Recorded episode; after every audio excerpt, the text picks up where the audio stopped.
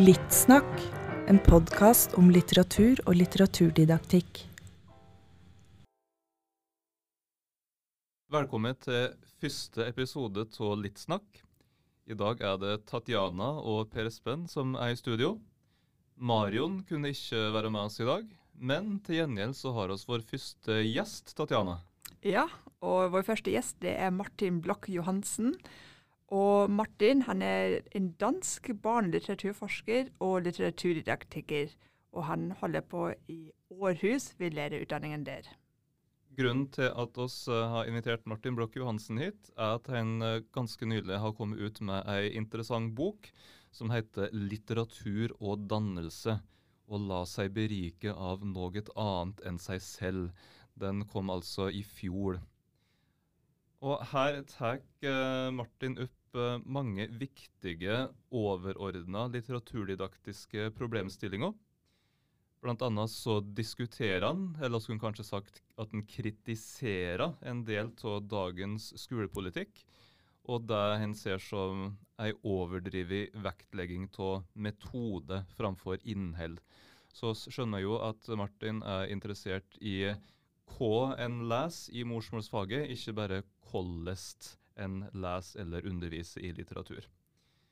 En eh, skriver mye om danning gjennom motstand. Det går som en rød tråd gjennom boka hans. Uh, og han bruker en del uh, nært beslekta begrep. Uh, motstand er nevnt. uavgjørlighet er et annet. Han prater òg om avselvfølgeliggjøring. og alt det her handler om litteraturens egenart. Det potensialet som skjønnlitteraturen har til å tas ut i noe ukjent. Utfordre forståingen vår av oss sjølve og verden rundt oss. Og kanskje kaste oss ut i spørsmål som en ikke får noe klart svar på. Og Det blir kjempespennende å snakke med uh, Martin om eh, forskninga si. For hele denne motstandspedagogikken i litteraturundervisning um, har jo også gjort um, at han har fått en sånn slags stjernestatus i det litteraturdidaktiske miljøet i Norge. Der det er mange som er ganske opptatt av å utfordre elever med vanskelig tilgjengelige tekster. Og en av disse vanskelige tekstene som eh, Martin har eksperimentert med, er en tekst av Frans Kafka uh, ei kort fortelling som heter 'Foran loven'. Og for uh, dem av lytterne våre som uh, ikke vet hvem Frans Kafka er, så er han altså en uh, tyskspråklig tsjekkisk forfatter. Uh, en av de store modernistiske forfatterne i europeisk litteratur. Og Kafka er kanskje spesielt kjent for å uh, nettopp skrive tekster som er veldig ugjennomtrengelige, som byr på mye motstand, det er enormt vanskelig å, å, finne ut av dem. Så de har et, et veldig rikt uh, tolkingspotensial uh, og byr på ganske mange vanskelige spørsmål. Mm. Ja, Noe som vi kanskje må nevne, Per Espen, eh, du snakket jo om at, um, at Martin tar opp ganske mange overordnede litteraturdidaktiske problemstillinger og kritiserer um, f.eks. metodefokus i litteraturundervisning. Og det er jo ikke helt uproblematisk å overføre forskning og erfaringer fra et land til, fra et, land til et annet. Um, og det må jo også påpekes at danskfaget og dansk skolepolitikk er ganske forskjellig fra norsk skole og skolepolitikk.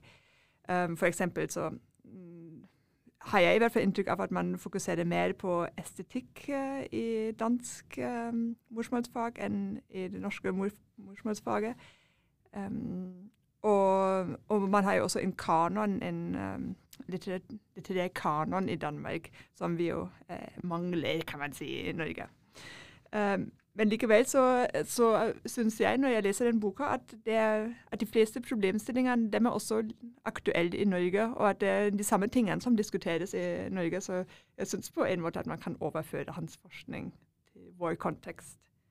Det tror jeg nok absolutt at en kan gjøre. Og en ekstra bonus med å invitere en uh, dansk kollega, er jo at uh, det er en god sjanse til å øve på nabospråksforståing, som jo er en del av morsmålsfaget. Altså her er det bare å spisse ørene og konsentrere seg. absolutt. Men nå er vi her altså med Martin Blokke Johansen, som snart skal få slippe til for å prate om da, litteratur som gir motstand. Og det som er litt artig, er jo at forskningen til Martin har jo bydd på motstand overfor studentene våre òg, Tatjana. Stemmer ikke det? På begynnelsen av semesteret så fikk masterstudentene våre i oppdrag å kartlegge litteraturdidaktisk forskning i bl.a. norske tidsskrifter. Og så var det en student som rakk opp hånda og sa ja, men du, det er jo en artikkel som jeg reagerer litt på. Det er en som har tatt med Kafka inn, inn på barneskolen. Uh, og det syntes hun var kjemperart. Men neste, gang, eh, neste, dag så kom hun tilbake og så sa hun ja, det er noen artikler som vi har lest litt grundigere, og blant annet denne Kafka-artikkelen. Og det var jo ganske kult. så det var veldig sånn tydelig at den, um, at den traff studenten. Um, men så er jo vårt første spørsmål hvordan i all verden kom du på å ta Kafka inn i klasserommet? På sjette Ja. Hvad sker der? Hvad foregår der? Jamen, jeg tror, jeg havde, jeg havde et øh, forskningsprojekt omkring det, det, vi kalder nyere øh, kompleks børnelitteratur. Øh, den type litteratur, som I jo også kender, der er øh, som udfordrende og kompleks og tager nogle tematikker op, som tidligere har været tabuiseret, hvor man måske har nogle, nogle genreblandinger og et, fyldt med intertekstualitet og metafiktion og, og så videre. Øhm. Og dem, dem, der var jeg ude og følge et forløb i øh, sådan 5. og 6. klasse, altså fra slutningen på 5. klasse og så ind i 6. klasse, hvor de sådan set var vældig, vældig øh, gode, de her elever. Det var nogle gode tekster, som underviseren havde med, og det var et rigtig, rigtig fint forløb. Men, men det, jeg synes, jeg oplevede, det var, at der stille og roligt kom til at snige sig sådan en, en mæthed ind i det, og, og måske også lidt en fortrolighed med de tekster, der gjorde, at de begyndte stille og roligt at, at gennemskue, hvad det var, de her tekster handlede om. Og jeg havde nogle fokusgruppeinterviews med dem, hvor de sådan sad og jokede lidt med, at vi skal jo bare sige noget om nogle fraværende forældre, vi skal jo bare sige sådan og sådan, så, og, og der var en, der havde sagt noget i timen før, at jamen, du skruer bare billige point, fordi du ved godt, hvad du skal sige til dem. Og der var sådan nogle forskellige, øh, jeg havde sådan nogle forskellige oplevelser med det, hvor jeg tænkte, det, det, det er jo også, selvom det er en kompleks type litteratur, så er det jo også noget, hvor de hurtigt bliver fortroligt med det. Det var sådan en ting. Ud fra teksterne, så var der mange af dem, hvor de, kan man sige, læste sig selv ind i teksterne. Altså i og med, at det var børnelitteratur, så læser de sig selv ind i teksterne. Det vil sige, at børnelitteratur handler om børn og barndom og, og, og børnekultur. Det er deres egen verden, den for så vidt beskriver. Og så var min, det jeg synes, jeg kunne se, var det her med, at de laver, de laver projektive læsninger, eller det man kan kalde identifikatoriske læsninger af den her type litteratur. De læser sig selv ind i det. Det kommer til at handle om dem selv. Vi har den her, der hedder, jeg er fred, men det er ikke altid det, de andre kalder mig. Den brugte vi blandt andet.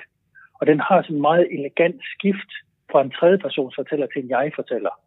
Men det skift, det får de ikke blik for, fordi at de har en fred i klassen, synes de. Og så det, ah, det er dig, der er sådan, altså, så jeg tænkte, så, så for at svare, det blev lidt langt, ikke? Altså, men jeg, på, på spørgsmålet, så er det det her med at tænke i en tekst, der vil virke med et begreb, jeg så har brugt, det er lidt defamiliserende på dem. Ikke? Altså en tekst, hvor, hvor de ikke har den type redskaber eller begreber, der gør, at de lige hurtigt kan læse sig selv ind i den. Og så samtidig en tekst, som, som, hvor de ikke har nogen begrebsverden for at indfange det, der er på spil i teksten. Og der synes jeg jo sådan, at nogle af Kafkas tekster, og mange andre tekster, de byder sig til, og, og, og, man kan sige, hvorfor lige Kafka, altså i situationen, hvor det måske også sådan lidt for sjov og lidt en provokation og sådan noget, men ved, da jeg kom i gang med det, da jeg fik snakket med læreren om det, jamen, så viser det sig sådan set, at mange af, tekster, tekst, eller mange af Kafkas tekster har lidt, de har lidt eventyrkarakter, også de er fyldt med symboler, øh, så der er en masse, man kan læse ind i det. De kan bare ikke læse sig selv ind i det. Så det var sådan set det, det der med, at vi, altså, på den måde har det også lidt, havde det lidt eksperimentkarakter. Vi prøver det sgu af. Lad os se, hvad der sker. Hvordan reagerer de på det her? Hvad er det for en type tekster, der sådan set kan tillade os at give eleverne på mellemtrinnet. Så ja.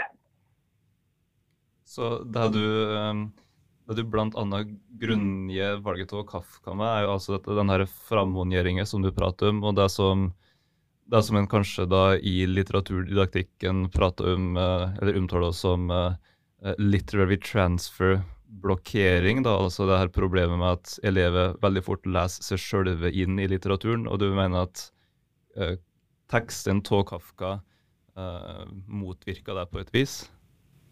Altså Noe av det jeg synes, jeg har set i de her altså det, det der med at vi har været meget fokuseret på vi er meget fokuseret på, på, på metoder, på tilgang til på forskellige teknikker når vi underviser og på den måde kommer måske en lille smule til at marginalisere eller udgrænse selve litteraturen. Det har jeg lavet lidt om det her med, at det bliver meget undervisnings hvordan, mere end det bliver undervisnings hvad.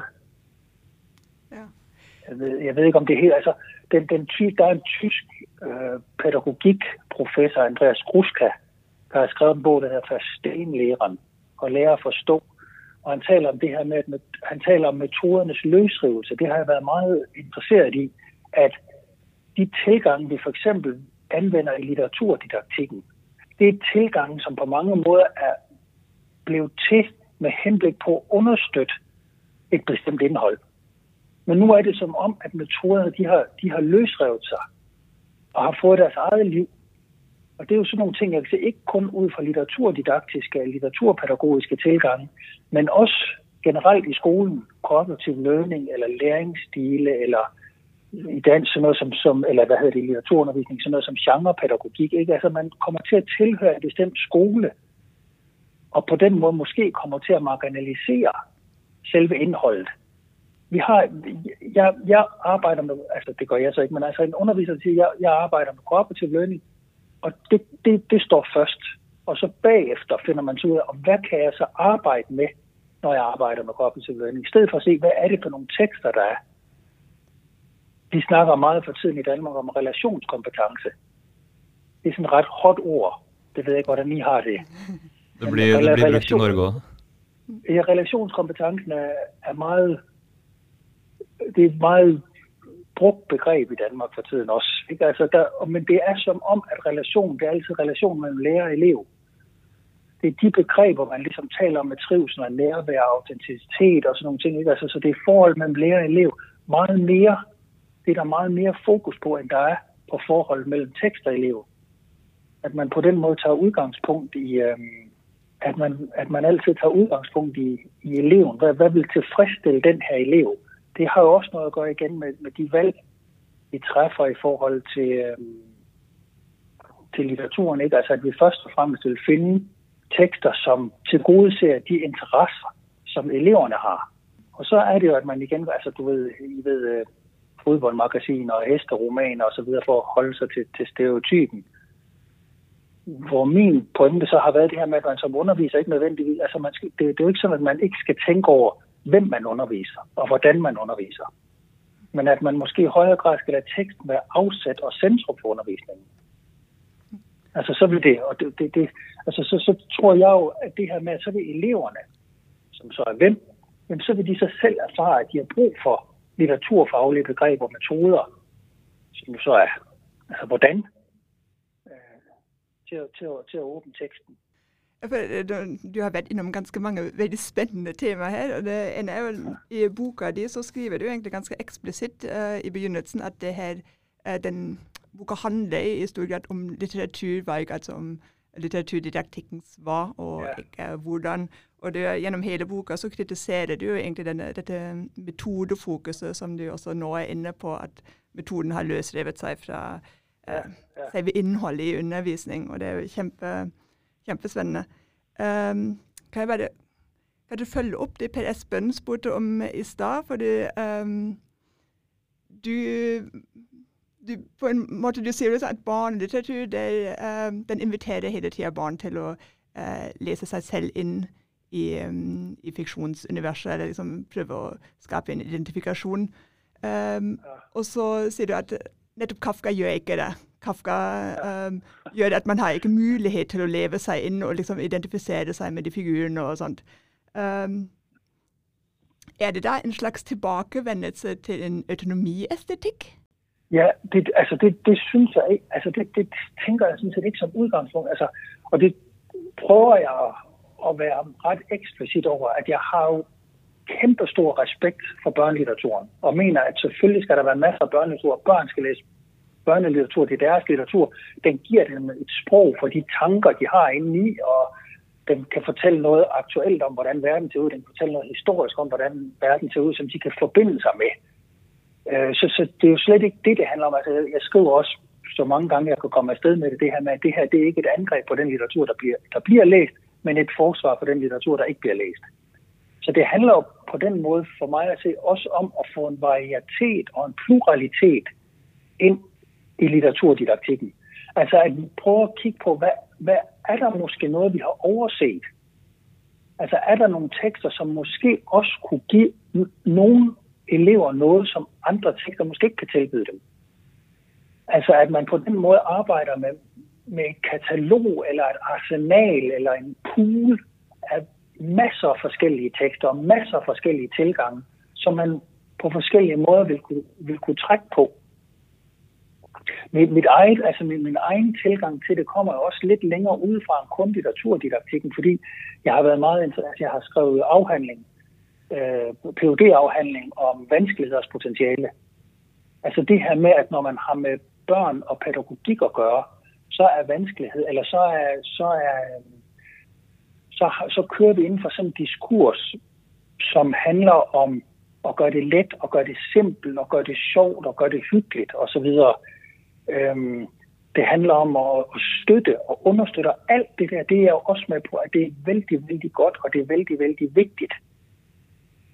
Men jeg har så været interesseret i så også at se på, hvad vil der ske, hvis man gik den anden vej, hvis man indbyggede vanskeligheder. Altså, er der overhovedet mulighed for, at man kan tilkende vanskeligheder legitimitet, så, så, som, ja, som pædagogisk mulighed, og som man vil kunne trække på? Dengang, altså jeg, jeg har jo min hovedansættelse på læreruddannelse, da jeg kom på læreruddannelsen første gang, det var en af de første gange, jeg var til et møde, der talte de om kompleksitetsreduktion, og det, det kunne jeg sagtens gennemskue, hvad var. Så talte de om facilitering af læreprocesser. Og jeg forstod simpelthen ikke, hvad det var. Altså facilitering af læreprocesser. Så var jeg hjemme og googlede det, og så, og så fandt jeg ud af, at facilitering det var sådan noget med at gøre let. Og så tænkte man, kan det være rigtigt? Og det kunne det jo så åbenbart. Det var det, var det man skulle, og så var jeg på en konference i Island, hvor en Oxford-professor, Anne Edwards, hun, sad, hun, talte om, hun havde et begreb, hun kaldte lion taming. Altså, at når lærerstuderende de er i praktik, så går de ikke ind i den kompleksitet, som klasserummet også kan være udtryk for, men de lion tamer. Og, så, og det var sådan noget, der også blev mit anstød til at gå endnu mere ind i. Jeg tænkte, okay, der er sgu andre, der, der interesserer sig for det her. Fordi jeg på mange måder tænker, at at vi også nogle gange, altså at den her hjælpediskurs, eller, eller, eller understøttelsesdiskurs, eller faciliteringsdiskurs, den også på mange måder har sat sig på pædagogikken. Når vi siger om en mand, at han er pædagogisk, ej, hvor er du pædagogisk, så ved vi godt, hvad det er, han har gjort. Så har han hjulpet og gjort det lidt lettere og sådan noget, ikke? Altså, så jeg tænker også, at man på mange måder forsømmer at se på den diskurs. Det er som om, den har sat sig den bliver bare taget for givet. Det bliver sådan en pædagogisk selvfølgelighed, at hver gang vi har med børn at gøre, skal vi selvfølgelig hjælpe dem. Så man kan sige, at vi er gået fra på en eller anden måde at altså, se på den her diskurs, i stedet for at se midten. Jeg ved ikke, om det giver mere. Altså, den er blevet hele det der prisme, vi ser pædagogikken igennem. Og så antager vi fuldstændig ukritisk en præmis om, at pædagogik, det handler om at hjælpe. Og så er det, vi begynder at finde tilgange og metoder, der kan til gode se, hvordan er det så, vi hjælper. Og når jeg så siger, at jeg er ankommet længere tilbage fra det end, øh, en, en litteraturdidaktik, det er jo fordi, jamen, så finder jeg så ud af lige så stille og roligt, at det er sådan set rigtig dygtige teoretikere, store tænkere, øh, filosofer, som har teoretiseret over. Gadamer, for eksempel i, i Sandhed og Metode, taler han om det her med, at erfaringsprocessen er negativ. Ikke? Erfaringsprocessen er negativ, sådan, altså at, at når vi tror på en eller anden måde, vi tror, vi har forstået noget på en rigtig måde, så vi opdager, at det har vi ikke så er det, vores viden ændrer sig. Og det betyder så, at det at finde ud af noget nyt, noget man ikke ved i forvejen, det, det er jo sådan set knyttet til det med at, hvad skal man sige, altså at overkomme vanskeligheder, overkomme forhindringer, overkomme barriere og modstand. Og så er det, jeg tænker det her med, hvordan vil jeg kunne sætte mine studerende på vanskeligheder? Hvordan vil lærere kunne sætte deres elever på vanskeligheder? Og så prøver jeg det jo så for så vidt bare af på det, der er mit eget felt, nemlig litteraturen og så siger kan vi finde en vanskelig tekst, og hvordan reagerer de så på det? Det er jo det er veldig spennende å høre noen som prater om kompleksitet og det vanskelige som pedagogisk ressurs. Og det er jo en slags, uh, en slags uh, motdiskurs, eller ja. uh, på mange måter et alternativt syn til kanskje det som er det rådende paradigmet innenfor mye didaktisk og pedagogisk tenking. Uh, og jeg kan jo egentlig bare anbefale alle som hører på podkasten, om, uh, um å lese boka di for å, altså, for, for å følge den, den tankerekka som du, du, presenterer her nå. Um, og så lurte jeg litt på, i og med at uh, dette her er en podkast som som vi ønsker skal, skal, kunne formidle noe aktuell forskning til studenter. Altså, nå oppfatter jeg at det du prater om nå, det handler litt om det du beskriver som dannelse i, uh, i, i, i, boken din. Kunne du sagt litt mer, mer om uh, hva legger du i begrepet dannelse og, og berikelse? Den måten jeg har brukt det på, det er, det er sådan set ud fra sådan en helt klassisk litterær forestilling, om, som man også kender fra eventyr, for eksempel det her med hjemme ude hjem. Altså ikke hjem ude hjem, og heller ikke hjemme ude hjemme, men hjemme ude hjem. At der er et skift Øh, vi taler altså på dansk, jeg ved ikke, hvordan det er på norsk, men på dansk, der, der bruger vi også hjemme, om, når vi er hjemme ved vores mor og far. Altså, jeg var hjemme ved mine forældre i weekenden. Men hjem, det er det, jeg har nu. Det er mit hjem. Jeg har fået lavet et hjem med min egen familie. Så det, der er betingelsen, eller forudsætningen for at blive dannet, det, der er blevet, betingelsen for at få etableret det hjem, det er udigheden. Udigheden er forudsætningen for overhovedet at blive dannet. Og der, der har min pointe jo været det her med, at, at, at udigheden er under pres. Ikke? Altså udigheden er marginaliseret. Der kommer sådan en slags ekrokammer, hvor børn i dag, hvor der er en risiko, jeg skal hele tiden huske med at sige det her med, at der er en risiko for, at børn bare får mere og mere af det samme. Altså jeg tror også, jeg har det med i bogen. En af mit, mit yndlingseksempler er det her med min, med min datter, hvor vi har siddet, altså hvor jeg har været tvangsindlagt på Netflix, altså jeg ved på Netflix, der kommer der sådan noget op lige så snart, at man har været færdig med en film eller en serie, så står der, fordi du kunne lide, og så tilbyder den bare en masse mere af det samme. Og så havde vi siddet og set alle afsnit og sæsoner af Gossip Girl, og var, og var endelig færdig med det. Og så kommer der det her med, fordi du kunne lide Gossip Girl, ikke? og så skal vi i gang med at se 2.000 sæsoner af Pretty Little Liars bag. Også, ikke? Altså. og så, så har jeg snakket lidt med hende om det der med dengang, du ved, der far var dreng. Ikke? Der var der sådan en børneserie, der hed Anna og Lotte, som jeg var helt pjattet med. Den kom fredag kl. 18, og så var den færdig kl. 18.30, og så kunne jeg sætte mig ned og surmule ind til næste fredag. Men, men nu, vi, vi havde tysk tv, ikke? så kunne jeg slå over på ZDF eller NDR, og så var der for eksempel Winnetou, eller De Tre Musketerer, og så var jeg i 1800-tallets Vilde Vesten, eller 1600-tallets parisiske salonger og sådan noget, så, så fik jeg på den måde noget helt andet, som jeg ikke selv opsøgte. Øh, og der tror jeg, at lærere i dag, de skal være omhyggelige med det her med, at hvis eleverne de skal have noget andet, hvis de skal tilbydes den her ulighed, jamen så skal vi gøre det. Det er os, der skal tilbyde det. Hvad hedder han? Øh, Eli Paris har udgav for nogle år siden en bog, der hedder The Filter Bubble, som jeg synes er sindssygt spændende. Og han skitserer det her, han har det her med personaliseret søgning på Google, hvor han viser det her med, hvor mange forskellige parametre Google søger efter, hvor han så ender med at sige, at altså for eksempel sådan noget med køn og alder og geografi, om du er i, om du er i stillstand eller du er i bevægelse, og så selvfølgelig sådan noget omkring tidligere søgninger. Hvad har du søgt på før? Og der, der er en lang, lang række parametre, hvor han siger, at den, den, den, det resultat, du får, det er kun dig, der får det. Du er den eneste, han har sådan et fantastisk eksempel med to kammerater, Daniel og Scott, der under det øh, egyptiske forår i 2011, der, sidder, der bliver de begge to bedt om at søge på Egypt. Og den ene, han får nogle resultater, der handler om, om øh, Tahrirpladsen og Hosni Mubarak og antallet af døde og sårede.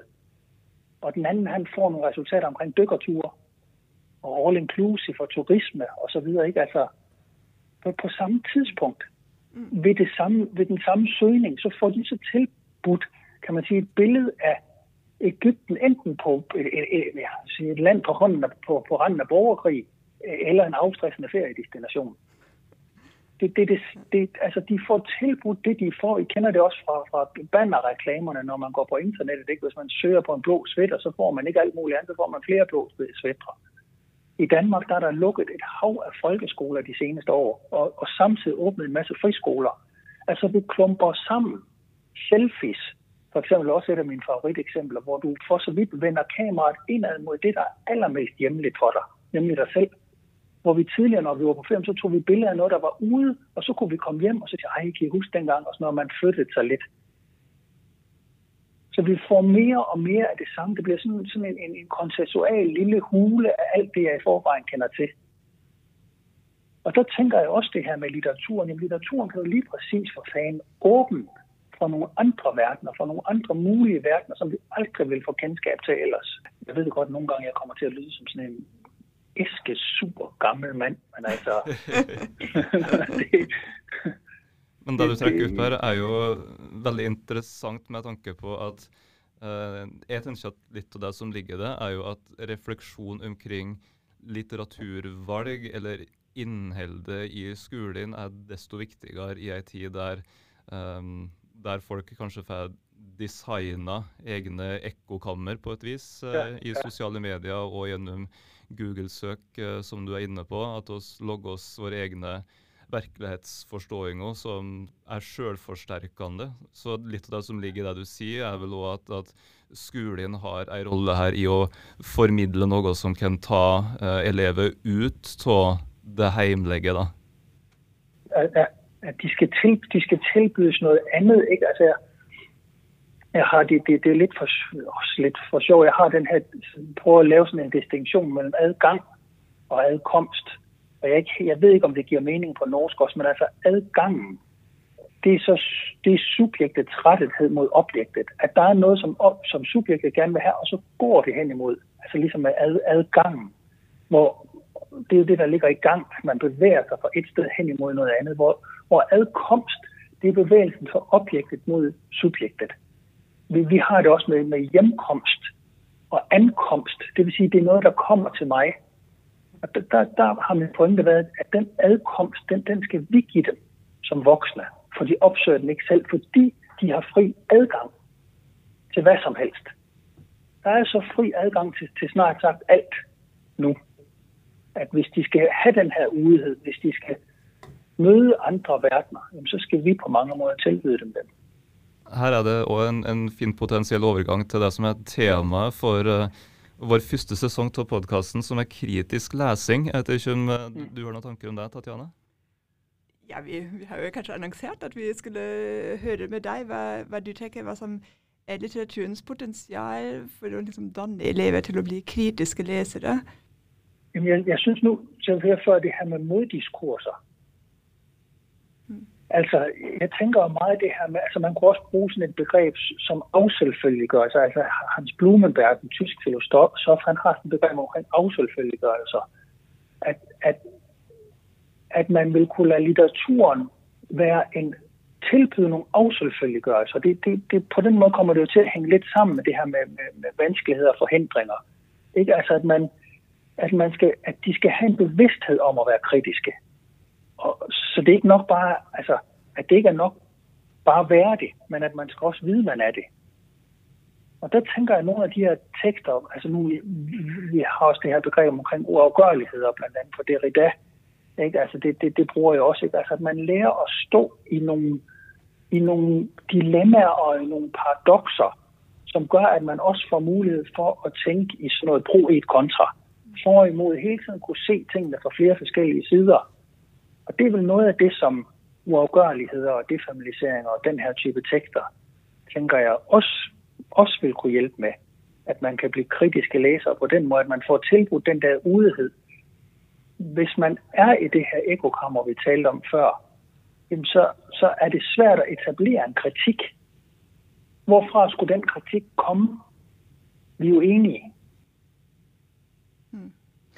Ja, og det er jo sånn for å komme tilbake til barnelitteraturen, for det, det er jo kanskje det du, du, sier med Kafka, altså det er den uavgjørligheten det gjør at man liksom man kan aldri tolke ham ferdig, man kommer aldri frem til liksom en ja. bestemt mening, så man må liksom tåle den ambivalensen som, ja. uh, som ligger der. Mens barnelitteratur på en måte alltid går opp på et eller andet tidspunkt, når man analyserer den, og man kan liksom man kan vektlegge dens kompleksitet, og kanskje til og med, det kan kanskje til og med finnes flere stemmer, men på en eller anden måde, så går det kanskje lidt op. Jamen præcis, og, der, og jeg tror også, vi er skyldige i det som, som underviser, fordi vi også rigtig tit afkræver budskaber, mening og sandhed, og vi skal altid tale om, om, om, om tekstens morale, eller hvad kan vi så konkludere? Vi har hele tiden det her med, at vi vil afslutte. Vi vil have det afsluttet og sætte to streger under, så var det færdigt. Sådan, sådan fungerer hverken virkeligheden eller litteraturen jo. Og der tænker jeg det der med, at der er nogle uopløselige dilemmaer i det der. Altså hver gang man synes, man har fanget Kafka og fanget forståelsen, jamen, så undergraver den sådan set sig selv, den her tekst. Og det er jo noget af det, eleverne også oplever. At de er henvist til akkurat samme position som manden, der står uden for døren. Mm. Ikke? De står uden for teksten. De kan ikke rigtig komme ind i den. De kan ikke rigtig forbide i den. Den undergraver hele tiden det, de synes, de har styr på. Og det, og, og det kommer der jo altså første gang, jeg havde fokusgruppeinterviews efter nogle af de her ting, hvor de sidder og snakker om det der med, at den er underlig, og det er mærkeligt, de der tekster, de, de er godt nok mærkelige, så tænker jeg, nå, så havde det åbenbart ikke noget potentiale alligevel, til at finde ud af, jamen de bruger sådan set mærkeligt som et positivt ord. Mm. De, de, de er selv lidt fascineret af, de er tiltrukket af de her ting. Kan jeg stille et uh, opfølgingsspørgsmål til det, for jeg blev veldig nysgjerrig på noget, som du skriver i boka det om, om Weige af Kafka, og det var for den loven, som det var ikke for eleverne. Og så skriver du at, det, liksom, at Weige både falt på Kafka fordi, på av den uavgjørligheten, men så skriver du også, og det var du inn på her i begynnelsen av samtalen, at det også er noe eventyraktig ved ja, det teksten, ja. og noe barnlig. Og det kan man jo egentlig si om, om mye av Kafkas litteratur, at det er, det, ja, de dyre fortellingene. Det er jo et univers på en måte som barn kjenner til. Så er det, er det noe også i den Kafka-estetikken som barn kjenner på et vis. Ja. At det er et sånt univers som de kjenner, og som de egentlig har ganske stor toleranse for, fordi barn er så åpne for uh, det absurde og det som på en måte ikke, ikke finnes, og ikke kan finnes. Ja, det tror jeg. Det tror jeg. Altså, og, og det er jo igen det her med, at, at det at, at bruge den her type tekster, har jeg aldrig nogensinde betragtet som stor, jeg ved, som sådan et, som sådan et, et, et sesam så man bare, hver gang man bruger det her, så, så, så åbner den store port sig til børnenes fantastiske erkendelser og erfaringer og sådan noget. Altså, og jeg tænker, altså det jeg oplevede nu, hvor I startede med at, at spørge til, hvorfor jeg overhovedet gik i gang, ikke? hvor jeg siger, at det er jo som om, at det blev velkendt for dem. Jamen der kunne man jo også sige, at hvis de får den her type tekster, og har dem et halvt år, jamen bliver de så ikke også velkendte? For lærer de ikke også så bare, hvad de skal svare til Kafka? Om det, det er noget med noget, nogle uafgørligheder og, og, og nogle flertydigheder, nogle paradoxaliteter, og, og den går ikke op og sådan noget. Altså det, det tror jeg også. Men noget af det, jeg oplevede, som var fint, og også for læreren, der var involveret i projektet, ved at vælge Kafka, var også det her med, at der hele tiden var noget, man kunne gribe fat i. Altså netop som du siger, Tatjana, med, med, med det eventyrlignende. Ikke? Altså, og der jo også på en eller anden måde var en, en, en velkendt komposition i den. Der var også nogle forholdsvis velkendte fortælleforhold. Der var også nogle genkendelige symboler for dem. Ikke? Altså den lange spidse næse greb de fat i med det samme, fordi de havde lige haft et eller andet, hvor de havde grint af, at deres, deres dansk lærer altid gik op i sådan noget med, jeg ved, sådan nogle øh, sådan noget fallos-symboler og så videre, ikke? og så havde han sådan en, en lang spids næse, den her. Der var helt sådan symboler, de kunne gribe fat i døren, ikke? altså som en, en, en adskillelse mellem to verdener og sådan, altså, så, så, så på den måde, så, så, så tilbød teksten også noget, som var fuldstændig klassisk for dem. Det, der bare, synes jeg, er pointen der alligevel, det er, at de læser ikke sig selv ind i den. Og det vil sige, at de bevarer den i en eller anden form for refleksiv, analytisk distance. Og det kan vi jo som litteraturlærer, som litteraturunderviser, det kan vi jo godt lide. De analyserer den som det, den også er, nemlig et stykke æstetisk artefakt. De, de, de analysere dem som ordkunst, mere end at de lige hurtigt begynder at, at, at snakke om, hvad den betyder for dem selv, og hvordan den også ligner Emil inden for klassen, og, og de har også selv haft de her oplevelser. Vi har i Danmark har vi også noget med den varme stol. Så skal de så ind, og så skal man så sige, nu er du, nu er du manden, der står foran lån, og hvordan har du det nu, og hvad føler du, og hvad kommer der til at ske?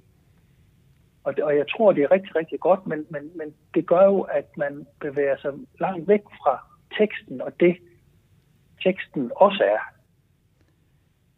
Og det, så, det synes jeg er super spændende, når bare sådan en liten sådan overgang, fordi du sitter jo i Danmark her, og dere har lidt andre læreplaner end dem vi har i Norge. Um, dere har jo blandt andet en kanon. Og um, ja. vi har netop fått en ny læreplan, der vi blandt andet har sådan tværfagligt tema. Um, det er folkehelse og livsmestring og demokrati og medborgerskab og bærekraftig udvikling, som er sådan tværfaglige tema, som skal gå igen i alle uh, fag, og der blandt andet også i norskfaget. Og et af farene med akkurat sånne tverrfaglige tema er jo at man plukker litteratur fordi den belyser et eller andet tema, og så glemmer man hele den æstetiske dimensionen ved litteraturen. Så jeg synes, at det er et kæmpeviktigt poeng der. Altså det er jo lige præcis også med, med læreplanerne. Altså nu, øhm, nu snakker vi om det her med, med, med, med Gardammer og erfaringsprocessen som negativ. Ikke? Altså sådan en, som jeg ved også er meget brugt i Norge. Øh, den hollandske uddannelsesforsker, Gert Bista. Øh, han taler jo også om det her med, øh, at læring finder sted, når man på en eller anden måde skal genopbygge en forståelse, der er brudt sammen. Altså det er en reorganisering. Så han har jo lidt den samme figur, så som, som, som Gardam og som, som mange andre også har. Og der taler han, og det, det, det, det, det synes jeg er en fremragende tekst. Han har en lille øh, antologitekst, der hvad skal vi stille op med børnene? Og han argumenterer for nogle af de her ting med, at han taler om uddannelsesbesværligheder, forstyrrelsens pædagogik og sådan nogle ting. Og der siger han på et tidspunkt, at øhm, at det første, når, når børn de møder modstand, at læreprocessen går i gang. Ikke? Altså, fordi det, det, der kommer til at ske, det er, at de erfarer, at verden ikke var en produktion af deres eget sind. Det er modstanden, der, der giver dem det. Der giver dem den erfaring. Og så siger han, børnene de kan respondere, når de møder modstand, så kan de respondere på tre forskellige måder. De kan respondere med verdensdestruktion, som, hvor de forsøger at overvinde modstand ved sådan på en eller anden måde offensivt at bekæmpe den der er noget galt derude. Den her tekst, den er ånd, det oplevede jeg jo også med, med, med nogle af de her tekster. Den her tekst er dum, den er åndssvagt. Og så er der det der med selvdestruktionen, altså som er noget andet end verdensdestruktion. Selvdestruktion, der forsøger barnet så at undvige modstanden ved ikke offensivt at bekæmpe den, men ved mere sådan defensivt at trække sig fra den. Og det er jo så for eksempel, når de siger omkring nogle af de her ting, det kunne jeg slet ikke finde, og det er jeg slet ikke klog nok til, jeg ved slet ikke, hvad jeg skal gøre. Og så har han det her tredje begreb, den tredje mulighed, han taler om som den frustrerende gråzone. Altså det her med, at, den er, at det er en gråzone, fordi den lige præcis befinder sig mellem de her yderpunkter. Mellem verdensdestruktion og mellem selvdestruktion. Og så frustrerende, fordi, øh, fordi, man kan sige, fordi barnet bliver nødt til at forholde sig til modstand. Bliver nødt til at lære at leve med det. Og der er det, han siger, det er et kæmpe stort, altså potentielt set er det et stort pædagogisk rum, den her frustrerende gråzone, at vi skal lære børnene at træde ind i den og, og blive i den. Og der, der har han så, og, og det er så nu, om sidder kommer til noget med det med de læreplaner, fordi der siger han, jamen altså, der vil man jo også kunne konstruere nogle læreplaner, som tager højde for det her, at man lige præcis får den type tekst eller den type tilgang ind, som kan gøre, at børn, de erfarer modstanden og lærer at blive i den, eller vanskelighederne, eller forhindrende, ikke? altså kan lære at, at, at, at blive stående, at vi ikke udgrænser de der tekster. At vi ikke udgrænser de tilgange, fordi på den måde er der både et, et, et, et altså der er jo litterært potentiale i at inddrage nogle bestemte, en bestemte type tekster, men der er også noget litteraturdidaktisk i forhold til de metoder eller temaer, vi kan bruge til dem. Ham Sheridan Blau, der øh, amerikanske litteraturforsker, har en, jeg tror, han hedder Literature Workshop eller sådan noget, der taler han jo også om det her med, med for eksempel førlæsningsstrategier hvordan de gør læreren rigtig, rigtig dygtig, de her førlæsningsstrategier. Men at eleverne, de, de optager sådan set bare det, som læreren så har nævnt i sine førlæsningsstrategier, og læser det ind i dem. Så lærerne bliver dygtigere ved førlæsningsstrategierne. Eleverne, de gør bare, som læreren så har sagt. Så der er jo både et potentiale i vanskelige litterære tekster, men der kan jo også være et potentiale i ikke altid at understøtte og hjælpe og facilitere selve processen, altså selve den sådan den litteraturmetodiske del af det. Måden vi bruger de her tekster. Og så er vi jo tilbage ved det der med, hvorfor vi altid skal afslutte. Hvorfor, hvorfor vi har noget omkring uafgørligheder. Og bruger nogle bestemte typer tekster. Havde nogle sjove eksempler, når jeg underviste på den pædagogiske diplomuddannelse, Fordi der var de meget, meget vilde med de her komplekse tekster. Og de brugte dem i deres afgangsprojekter, når de skulle skrive eksamensopgave. Så brugte de rigtig mange af de komplekse tekster, men når de brugte dem, så forsimplede de og ensøgte og reducerede og brugte strukturalistiske modeller. Så de tager en kompleks tekst og sætter den ind i aktantmodellen, så det går op. så de kan få styr på det, ikke? Altså, så, så der er jo også noget med selve vores, med selve vores tilgang til det. Uh, ja. ja. Jeg tenker at det du er inne på nå, det er et veldig nyttig perspektiv i just og det Tatjana nevnte om, om de nye læreplanmålet i Norge. fordi det er klart at når en har et, eh, et, tverrfaglig tema i den norske skolen som heter demokrati og medborgerskap, så er det jo fort gjort å tenke at det er et, eh, det er et spørsmål om eh, om litteraturens tematikk i en eller annen forstand, men det som du er inne på her, handler jo om at, at, det å arbeide med litteratur kan være en måte å lære seg å, å forholde seg til kompleksitet, forholde seg til motstridende meninger, og det er jo òg en form for demokratisk danning, kunne en sagt. Ja. Så demokrati og medborgerskap som litteraturdidaktisk felt kunne jo òg handla om å dyrke fram en måte å Eh, og tenke, diskutere og reflektere omkring kompleksitet og motstand på. Ja, ja det er en fed pointe. Ja.